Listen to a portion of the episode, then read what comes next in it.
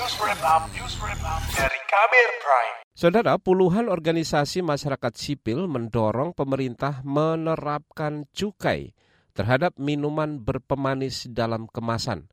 Cukai ini diperlukan untuk menekan angka penyandang penyakit diabetes. Sayangnya pemerintah masih menegosiasikan kepentingan kesehatan dengan kepentingan industri di Indonesia. Selengkapnya simak laporan khas KBR disusun jurnalis Siti Sadida Hafsa.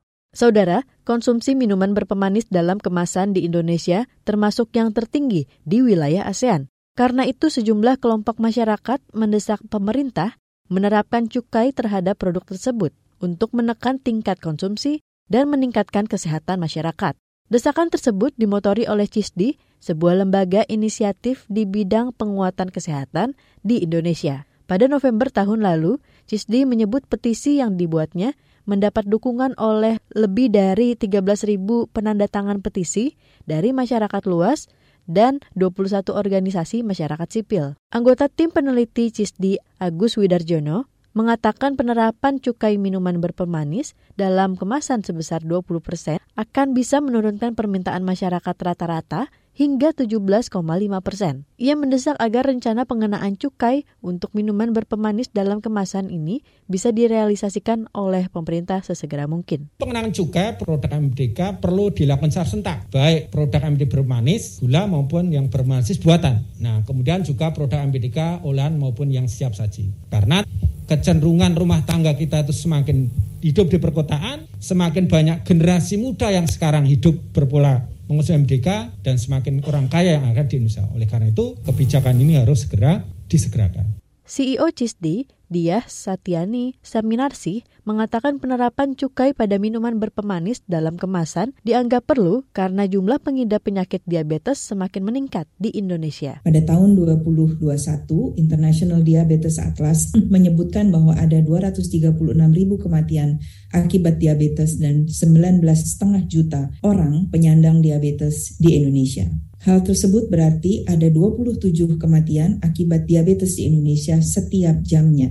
Ini menunjukkan kepada kita bahwa magnitude dari permasalahan penyakit tidak menular amat besar. Dorongan juga datang dari analis Pusat Kebijakan Pembiayaan dan Desentralisasi Kesehatan di Kementerian Kesehatan Doni Arianto. Harapan kami ada kebijakan fiskal di dalam mendorong uh, perubahan laku. Salah satunya adalah pengenaan cukai Kemudian juga ada upaya promosi kesehatan untuk meningkatkan kesadaran terhadap bahaya mengkonsumsi gula yang berlebihan.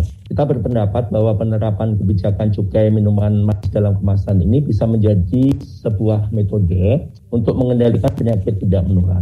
Doni mengatakan usulan pemberlakuan cukai minuman berpemanis itu berkaca dari kebijakan cukai untuk tembakau yang sudah diberlakukan sebelumnya. Kita sudah berhasil dengan DPHCHP dan bagi hasil cukai hasil tembakau ya yang di situ diatur dalam regulasi bahwa itu bisa dimanfaatkan untuk kegiatan kesehatan atau pembiayaan kesehatan.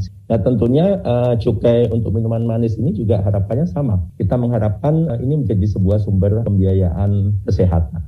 Namun Kementerian Keuangan belum memberikan lampu hijau terhadap usulan tersebut. Dikutip dari Berita Satu dan Kata Data, Direktur Jenderal Bea Cukai Kementerian Keuangan Askolani mengatakan kementeriannya belum berencana menarik cukai dari produk minuman berpemanis dalam kemasan dalam waktu dekat.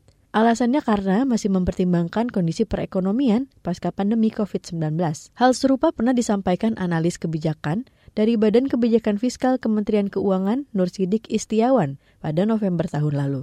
Ia mengatakan Kementerian Keuangan masih mendalami dampak cukai terhadap dunia industri. Sampai dengan saat ini kami eh, melihat bahwa uh, isu ini belum pernah didiskusikan dengan Kementerian Perindustrian misalnya yang untuk impact negatif dari uh, isu ini adalah seperti apa kepada mereka dan mereka harus melakukan apa. Nah itu yang merupakan langkah ke depan yang harus kita siapkan untuk bertemu dengan mereka untuk bisa meneruskan pesan-pesan yang memang pesan-pesan yang tidak bisa dielakkan bahwa itu memang untuk kesehatan kita bersama. Pada garis besar begitu uh, masih ada kepentingan dengan yang perlu dinegosiasikan. Kita harus melakukan cari jalan keluar untuk kebaikan kita bersama. Di lain pihak, Direktur Industri Minuman hasil tembakau, dan bahan penyegar di Kementerian Perindustrian Edi Sutopo mengatakan pengenaan cukai minuman berpemanis masih dalam pembahasan. Sementara itu, anggota Komisi Bidang Kesehatan di DPR Neti Prasetyani turut meminta industri ikut berkontribusi menjaga kesehatan masyarakat